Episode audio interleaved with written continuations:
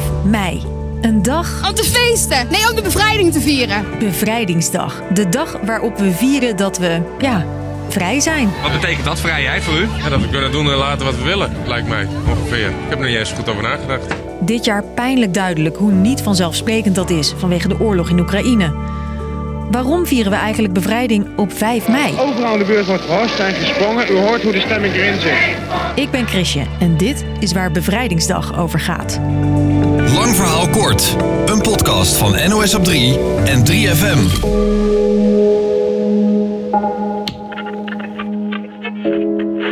Mannen en vrouwen van Nederland.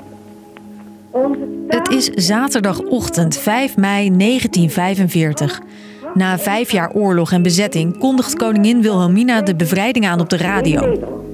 Eindelijk zijn we weer baas op eigen erf en aan eigen haard. Duitsland is gecapituleerd. Ze geven zich over.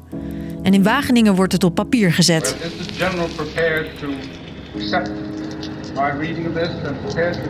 Met deze jawohl, goed luisteren, belooft de Duitse generaal in Nederland dat de wapens worden neergelegd door de 120.000 Duitse militairen die dan nog het westen van Nederland bezetten.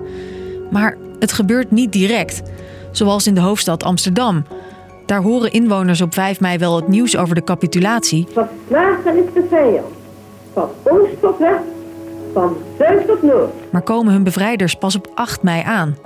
Voorop, om de weg te wijzen, reed deze Amsterdammer op zijn motor. Er zaten meisjes op een spatbord en iedereen haakte maar aan en ging mee. En eh, ik heb nog nooit zo'n joelende, uitgelaten gemeenigte gezien. Ook Rotterdam en Den Haag worden die dag bevrijd. De plek waar de oorlog het langst voortduurt is Texel. Pas op 20 mei maken Canadese soldaten daar een einde aan de laatste gevechten in Nederland. De bevrijding duurde in totaal een half jaar, van het najaar 44 tot en met eind mei 45. Maar vanwege de overgave van de Duitsers gaat de datum 5 mei de geschiedenisboeken in als de dag van de bevrijding. Maar wie waren de mensen die ons die vrijheid teruggaven? Daarvoor even een snel geschiedenislesje. In het kort, de geallieerden. Dat zijn onder andere Amerika, Groot-Brittannië, de Sovjet-Unie, China en Canada. Zij zijn niet onder de voet gelopen door Nazi-Duitsland of Japan en vechten om hun bondgenoten te bevrijden, waaronder Nederland. In Bergen op Zoom heerst een zeer uitgelaten stemming. Nu zonder veel verzet van de vijand, de stad is bevrijd door de Canadezen. Canadezen, Amerikanen en Britten heroveren met grote grondtroepen delen van Nederland. Eerst het zuiden en het oosten, daarna het noorden. En vervolgens trekken vooral Canadezen na de overgave van Duitsland naar het westen. Ze worden overal ontvangen als helden. Het is werkelijk fantastisch, zo opgetogen als het volk is. En blijven soms ook nog maanden hangen. Trace heeft een Canadees. Oh, wat is dat kindje heet Assas. En elk jaar zien we ze nog terug. De inmiddels stokoude veteranen, bevrijders van ons land, die over de oceaan komen om hier 4 en 5 mei mee te maken. Zoals Art Boon van 97. I've been back here tw- 21 times now since the end of the Second World War, you know. So it's always, every time you come in, you know, it's nice to see that the public come out, you know, and appreciate their freedom.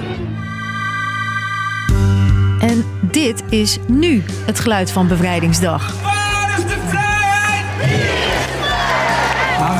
En dames en heren, kijk, de fakkelvlaag komt. Maar het heeft lang geduurd voordat het zo klonk op 5 mei. De eerste jaren na de oorlog is er nog niet echt een traditie. Sterker nog, Nederlanders hebben liever op Koninginnedag een vrije dag. En pas in 1990 krijgt de dag het label Nationale Feestdag. En waar het lang vooral ging om het vieren van de historische bevrijding, gaat het nu steeds meer om vrijheid in het algemeen. Iets wat wij eh, elk jaar gewoon eh, denken te hebben en, en, en het is eigenlijk niet gewoon. ja, dat je kan doen en laten wat je wil.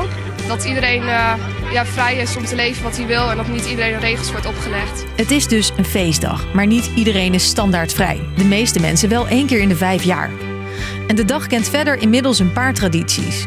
Elk jaar steekt de minister-president het bevrijdingsvuur aan. In 3, 2, 1.